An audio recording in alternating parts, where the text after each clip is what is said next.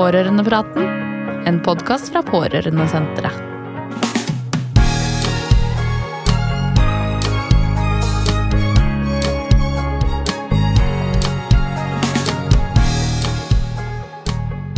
Pårørende. Det er kanskje et litt rart eller litt sånn uvant ord, særlig for deg som er barn eller ungdom.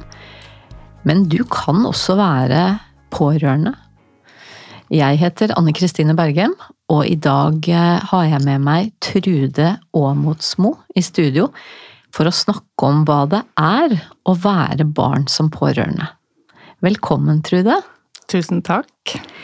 Du, først så håper jeg at du kan fortelle litt om deg selv, sånn at de som hører på oss nå, vet hvem du er. Ja, jeg heter Trude, og jeg er kreftsykepleier. Jeg jobber på Norges største sykehus, Oslo universitetssykehus, og så er jeg mest på Ullevål.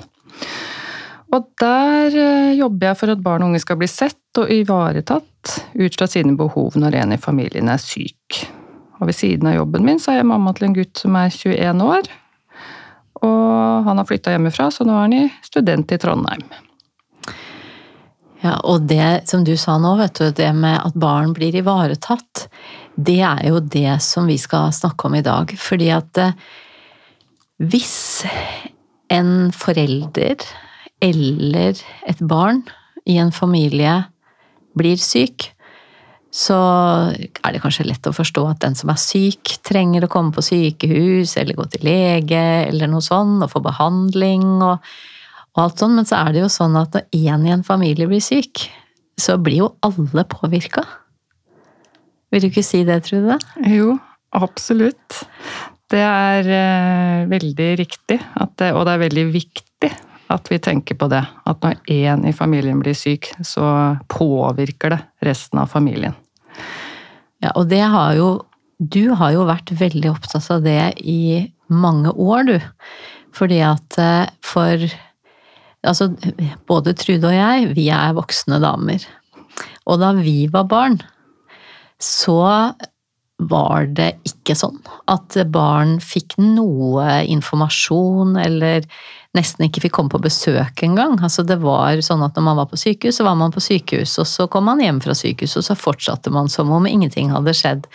Mens nå så vet vi ganske mye om det at når man er barn i en familie hvor noen er syke, så, så blir man ganske påvirka av det at noen er syke. Så du trodde du har jobba nå i mange år med at at de som jobber på ditt sykehus, de skal bli mye, mye flinkere til å gi informasjon til barn, og at du har samtaler med barn, og at du passer på at barn får den oppfølginga de trenger når noen i familien blir syk. Har jeg oppsummert det ganske riktig da? Ja, det syns jeg du har gjort. Men hva Når du Hvis du tenker på noen av de barna og ungdommene og familiene som du har møtt i løpet av de åra som du har jobba med det. Hva, hva er det, liksom, familiene syns er leit eller vanskelig, eller hva Oi, det er veldig forskjellig, men øh, de aller fleste syns jo at det er øh, vanskelig fra starten. At øh, når de får ikke sant, De begynner å skal undersøkes for et eller annet, det er jo derfor de har kommet inn på sykehuset. Um, og så eh, får de kanskje vite hva det er, og så er det noen som ikke vil informere barna sine, og så er det noen som gjør det helt sånn ja, mest naturlige ting i verden å inkludere barna. Men vi som er sykepleiere eller leger, da, vi skal spørre pasientene om de har barn som er eh, under 18 år, og som bor hjemme. Um, og snakke med da eh, den som er syk, eh, om hvordan, hva som er viktig for de barna å få vite når en mamma eller pappa, eller et søsken som storebror og lillebror er syk. Ja, fordi at det du sier, det er at i noen Det er vel sånn at eh, det er forskjell på familier, og i noen familier så er man vant til å snakke med hverandre om alt mulig. Og da skjønner man kanskje av seg sjøl at det er viktig å snakke også når noen i familien er syk. Men så fins det jo familier òg som ikke snakker så veldig mye sammen til vanlig, og da er det kanskje ikke sånn at de liksom kommer på at det er viktig å snakke om sykdommen. Og da vil du og de du jobber sammen med, dere vil da snakke med foreldrene om at det er viktig at de snakker med barna sine? Ja. Så det er jo det vi har I Norge så har vi jo en lov nå som sier at vi som er helsepersonell, altså sykepleiere, leger, enten vi jobber på sykehus eller eh, på skolehelsetjenesten eller er fastlege, så skal vi spørre eh, spørre hva foreldrene har sagt til barna sine. Eh, og i tilfelle hvorfor de ikke sier noe til barna sine. Hvilke tanker de har rundt det. Og hvis de, hvis de har sagt eh, informert barna sine, så er det jo helt greit. Da er det jo superfint. Eh, og jeg syns jo faktisk, sånn som du begynte med å si, at for noen år siden så var det veldig sjelden at noen inkluderte barna. Mens nå er det flere og flere når jeg spør hva har dere sagt, og mm, har dere informert skole og barnehage, så har det mange, mange, mange nå som sier ja. At de har sagt at de har en sykdom som heter kreft, eller eh, en eller annen sykdom. Og at eh, planen nå er at jeg skal gjøre, eller at legene skal gjøre sånn og sånn. Sånn at jeg skal bli, få det bedre, eller kanskje frisk. Ja, og det er jo veldig godt å høre. Fordi at før så var det var jo ikke fordi at foreldre måtte ikke ville gjøre det som var bra for barna sine før. Det var jo ikke derfor de ikke sa noe. Men før så trodde ikke bare folk flest, men også sykepleiere og leger og sånn, trodde at man kunne skåne barna, eller at det var bra for barna å ikke vite om sykdommen. Det er litt rart å tenke på nå, men det trodde man før. At det gikk an å skåne barn. Men det går jo ikke an å skåne barn. Nei, det går ikke an. Og de, de som er syke som De tror vel kanskje ikke det, men eh, de syns at eh, de har så lite lyst til at eh, barna sine skal bli lei seg, eller redde, eller engstelige. Så derfor tror de kanskje at det er best at nei, nei, de merker ingenting, så jeg trenger ikke å fortelle dem noe. Men det er jo det vi prøver da å fortelle til de voksne, at barna merker endringer veldig, veldig godt. De, senser, de aller minste barna senser at det er noe som er, er som, eller ikke er som det pleier å være. Eh, og da blir barn engstelige, når de ikke vet eh, hva som skjer. Og går rundt og tenker på er det min skyld, er det noe jeg har gjort, skal mamma og pappa skilles? Eh, og det med skilsmisse er jo nesten det verste å gå rundt og tenke på. Eh, så derfor barn, Altså, de voksne gjør det i beste hensikt. De tror at det er best, at barna ikke trenger å vite så mye, men det er det ikke. Får, barna blir mye tryggere hvis de får vite.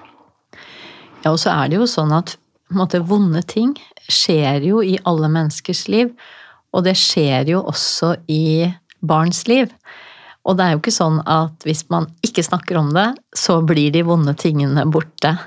Så det som skjer hvis man ikke snakker sammen i familien, det er jo at alle blir gående hver for seg med sine følelser og sine bekymringer.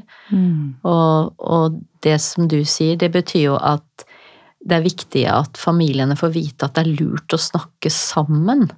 Og at selv om det vonde ikke forsvinner, så er det bedre å slippe å være ensom. Liksom med de vonde følelsene, da. Ja, absolutt. Det blir jo ikke borte, som du sier. Men eh, det hjelper veldig ofte at de i hvert fall vet hvorfor eh, de har det sånn. Og at eh, det hjelper å få vite, og det hjelper å få vite hva som skal skje fremover.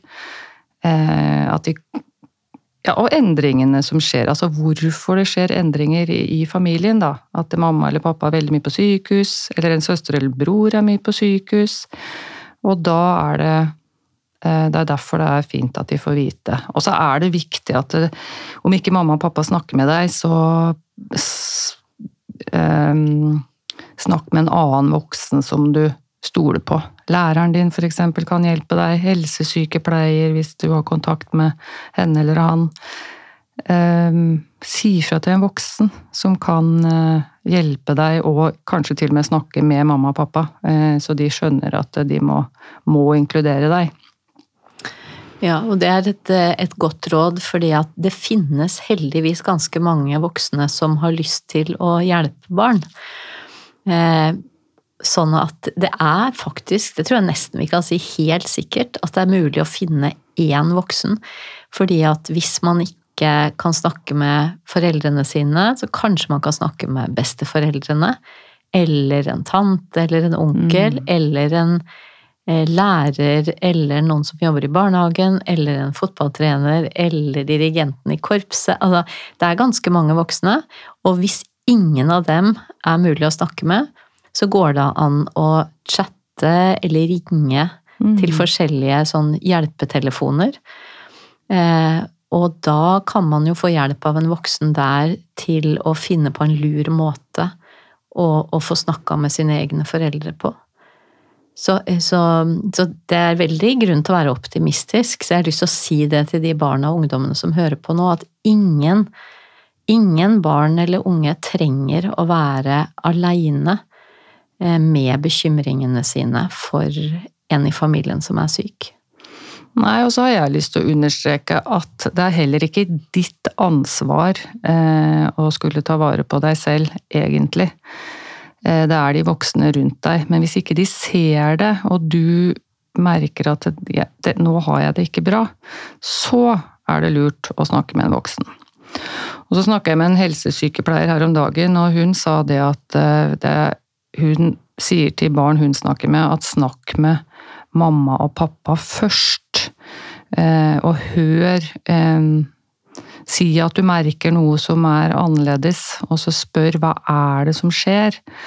Og det er i hvert fall en start å begynne med de som voksne som du bor sammen med. Og så kan du tenke utover det hvis ikke du får svar.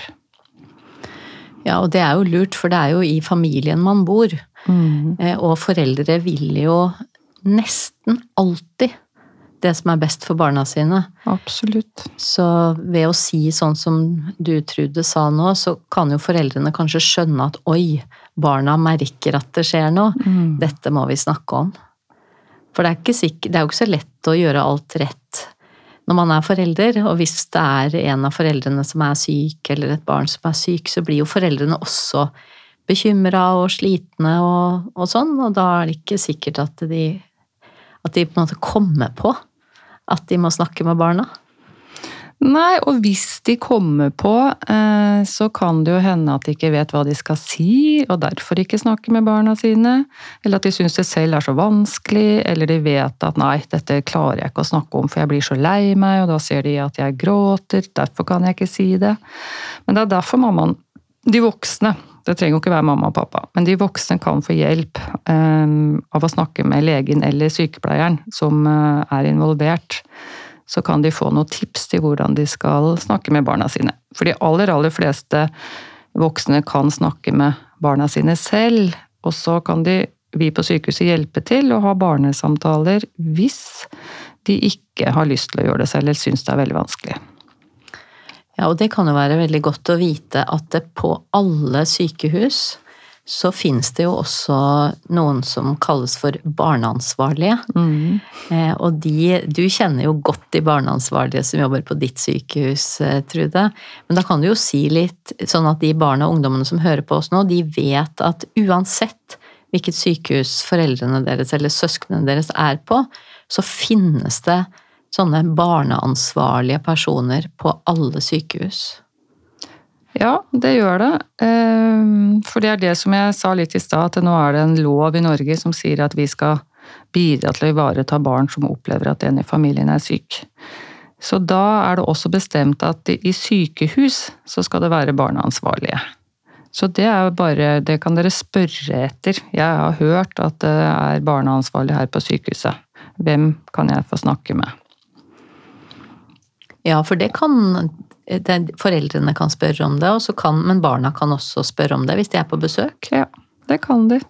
Og så er det jo ikke sånn at det er en barneansvarlig nødvendigvis som skal snakke med deg, men de vet i hvert fall da hvordan de kan hjelpe deg eh, videre. Sånn at eh, ja, de har ganske mye kunnskap om hva som finnes av tilbud og nettsider og litt sånn forskjellig som de kan da fortelle til deg. Ja, for de som er barneansvarlige, de skal jo være litt sånn på en måte litt sånn eksperter på, på hvordan man skal støtte barn som er pårørende. Sånn at eh, liksom alle legene og sykepleierne og sosionomen og fysioterapeut, alle som jobber der, de kan da måtte spørre de barneansvarlige om å få litt råd eller veiledning, som det heter, når man får gode råd på en litt sånn systematisk måte. Så ja, så skal jo de kunne gi det, da. Også du, du har jo hatt som jobb å passe på eller gi undervisning og veiledning og opplæring til alle de som er barneansvarlige på ditt sykehus. Ja, vi har gjort det i mange, mange år, så rundt på sykehuset nå så kan jeg nok si at det er mange som kan både å snakke med barn og snakke med foreldrene om det å være barn når en i familien er syk. Så det har blitt bedre og bedre og bedre, så det håper jeg at dere merker hvis dere må innom et, eh, innom et sykehus. Men ja, det er én ting som jeg har tenkt litt på, eh, som jeg har lyst til å spørre deg om. Og det er er det noen forskjell hvis man er i en familie som, som på en måte har bodd i Norge i flere generasjoner, og man snakker godt norsk, og man skjønner seg på det norske samfunnet, og de familiene som kanskje ikke har bodd her så lenge, eller hvor, hvor, kanskje barna er født her, men at foreldrene er født i et annet land. Kanskje er ikke norsk et språk som snakkes hjemme i familien. Altså, hva, hva, har du tenkt noe på det? Ja, det har jeg tenkt på, fordi at det, eh, det kan jo absolutt være en forskjell, men det trenger ikke bety at de er eh, ikke er etnisk norske. Eh, for den forskjellen tenkte jeg ganske fort at eh, jeg må jo spørre hver enkelt jeg møter. Hva er viktig for deg, og hvis du i denne sammenheng har de jo, vet jeg jo at de har barn, så hvordan har dere fortalt noe til barna, og hvorfor dere ikke gjør det, hva er årsaken til det? Og da spiller det ikke så mye rolle for oss om hvor de er ifra, for det kan være også veldig forskjellig om du er eh, fra forskjellige steder i Norge og er eh, norsk tvers igjennom, eller om du er fra andre land og har vært i Norge lenge eller kort stund. Jeg tenker at det aller, aller, aller viktigste i denne sammenheng er at vi må forstå hverandre og forstå eh, hvorfor dette er viktig, eh, og dermed så er det viktig at vi bruker tolk. Så jeg kan ikke få understreka hvor viktig at dere som barn og unge også vet at dere ikke skal tolke i sånne familiesamtaler inne hos en lege f.eks., hvis dere er med mammaen eller pappaen deres. Det er forbudt eh, ved lov i Norge å bruke barn som tolk. Sånn at det skal vi bestille og ha tolk klart i sånne samtaler. Det kan, sånne små ord og sånn kan jo være viktig hvis det skjer noe akutt, men uh, ikke til vanlig. Jeg må bare si, og det er ikke sånn at hvis du er et barn som har tolka for, for mammaen din, så har ikke, altså har ikke du gjort noe som er forbudt. Nei. Men leger og sykepleiere og sykehus og sånn har ikke lov å la være å bestille tolk og bruke barna fordi at det er lettvint. Mm. Men bare for å liksom si det at, at, barn gjør jo ikke noe feil, for de gjør jo det som, som de tror er rett. Og, og, da er det noen andre som ikke har gjort det som de egentlig skulle. Ja. Bare sånn at ingen, ingen, tror at de måtte ha gjort At de får noe straff fordi de har, har tolka. For det gjør dere ikke, altså. Det gjør dere ikke, og det er veldig fort gjort. Og det er veldig fint at dere kan svare på noen enkle spørsmål eh, innimellom. Men disse eh, informasjonssamtalene, der viktig informasjon skal bli gitt, der skal ikke dere tolke for, eh, for legene, sånn at mamma eller pappa forstår.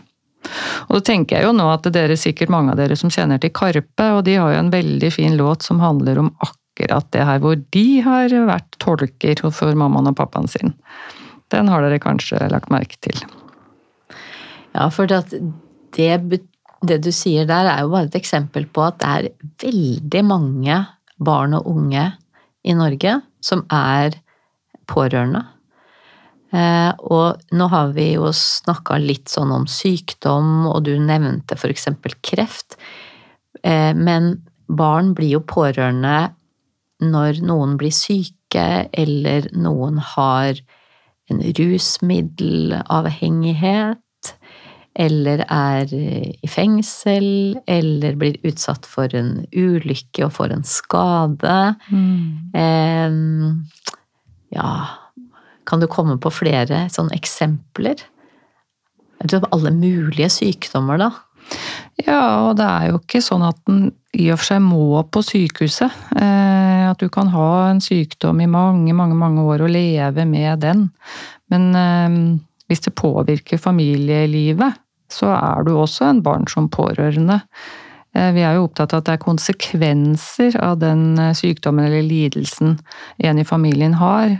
Det er det som det er vi skal hjelpe til med, og bidra til at dere ikke har det så vondere enn dere må ha, da, når en er syk. Ja, for som vi snakka om i stad, man, man, slutter jo ikke å være lei seg fordi man kan snakke om sykdommen, men, men eh, at det kan bli litt sånn lett, eller bedre, å leve i familien med sykdom. Hvis man kan snakke sammen om det som skjer. Mm. Og det er lov, jeg tenker det er lov å bli eh, Mange blir jo bekymra og engstelige og triste og lei seg, men det er, eh, det er, veldig normalt. Men det er også lov til å bli irritert og sur og sint fordi at det er sykdommen som bestemmer liksom hva denne dere i familien kan eh, få gjort. Altså det er mange barn som blir kjempelei seg fordi de har planlagt en vinterferie eller sommerferie, og så plutselig så skjer det et eller annet utvikling med sykdommen, eller det noen, kommer noe annet nytt sykdom inn, og så får dere ikke reist på den sommerferien som var planlagt. Og det er lov å reagere da, uten å få dårlig samvittighet. Og så er det ikke sikkert den får gjort så mye med det, men allikevel så har du lov til å bli sint eller sur, og kanskje lei deg. Ja, og, og det både du og jeg, Trude, har jo snakka med ganske mange barn som er pårørende, og det vi har hørt at, at noen sier, det er jo at de blir så opptatt av å være flinke og snille mm. og hjelpe til. Og så er det jo fint å ville hjelpe til og ville være snill og grei, men, men er man barn eller ungdom, så trenger man jo også å kunne være sur og sint og slamre med dørene uten å da liksom få dårlig samvittighet fordi at en forelder er syk. Mm. Det er kjempeviktig. Og det kan jo være nyttig for hele familien kanskje å få litt sånn hjelp til å snakke om. Mm. Hva som faktisk er helt normalt og vanlig i en familie. Mm. Og hva man Altså hvordan man skal fordele oppgavene og jeg husker jeg hadde en ungdom som øh, levde sammen med en mamma som var syk lenge. Og, og, så sa han til meg I begynnelsen så var jeg jo bare så redd for at mamma skulle dø, men så etter hvert så ble jeg bare utrolig sliten, og det ble så mange oppgaver på meg at jeg bare lurte på herregud, hvor lenge skal jeg være greia? Og det er sånn, det blir aldri slutt på øh, Eller i noen tilfeller så blir det liksom, er det aldri en ende på det. Hvis du lever med en kronisk sykdom, da. Eh, og det er også lov til å si fra om det. Og jeg tenker også at ungdom Det er viktig at eh, de voksne snakker med ungdom, også de over 18 år, faktisk, fordi at eh, de har mange tanker om fremtiden. Og da om de kan reise utenlands og studere, om du, kan, om du må bli hjemme, om du må bo hjemme, om du kan må bli i Norge. At det er eh, sånne ting må dere også bare tørre å spørre om, fordi at det er ting vi kan bidra til der. Og i hvert fall snakke om det, og vi har erfaring på hva andre ungdom i den situasjonen har gjort.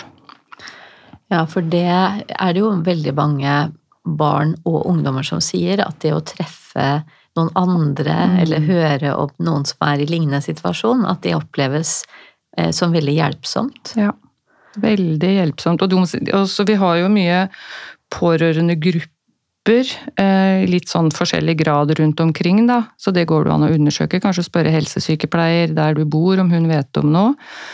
Eh, hun eller han, må jeg vel si nå. Eh, og så det, søsken som har, eller har du en bror eller søster som er syk, så er det også søskengrupper, og mange søsken som har fortalt at det, det har vært en nyttig viktigste. Å få snakke med andre søsken eh, som har en bror eller søster som er syk.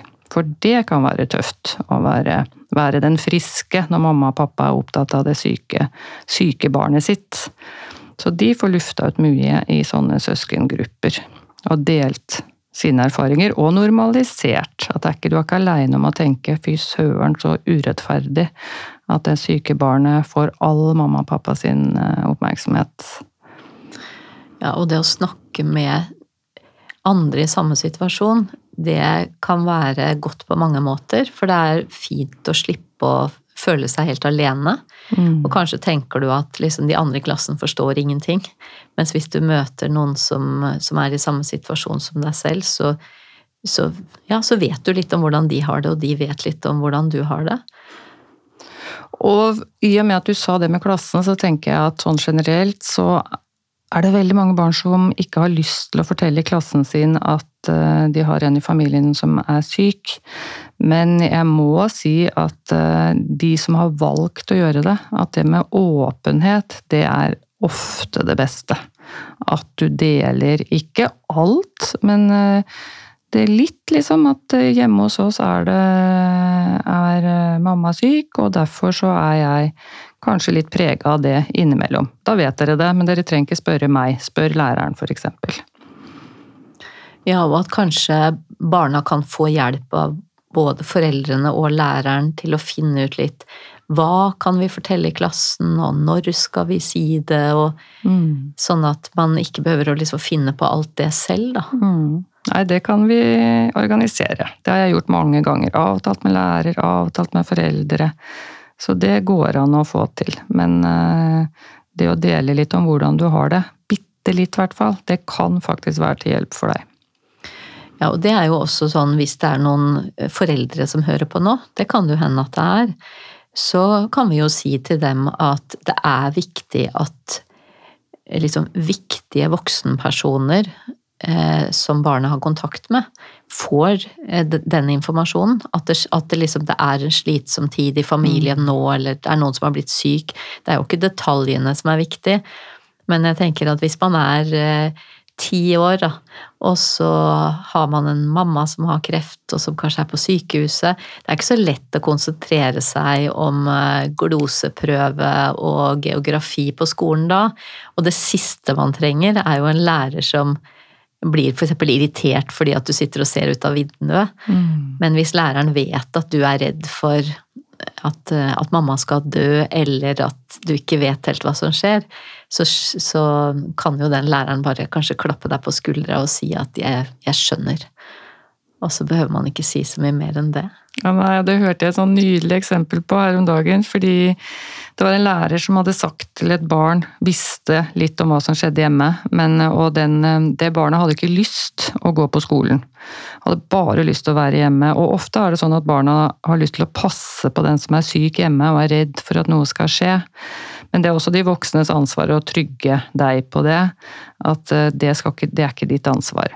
Men det læreren hadde sagt når de hadde hatt den avtalen, var at eh, du, jeg vet at uh, du har det litt vanskelig og tenker mye om dagen på hva som skjer med den som er syk, men det viktigste for meg er at du kommer på skolen. Så hvis du bare kommer på skolen når du skal, i hvert fall så mye som mulig, så er det nok. Du trenger ikke tenke på at du skal løse oppgaver eller si noe i klassen, men bare vær til stede. Det er best for deg, og det er fint for oss. Ja, det, jeg skulle ønske alle barn hadde en sånn lærer. lærer ja, det skulle jeg ønske òg. og mange har jo det. Mm. Eh, og det er veldig mange voksne som, eh, som, bryr seg om og som vil støtte barn. Eh, men ingen kan lese andres tanker eller gjette vite hvordan andre har det.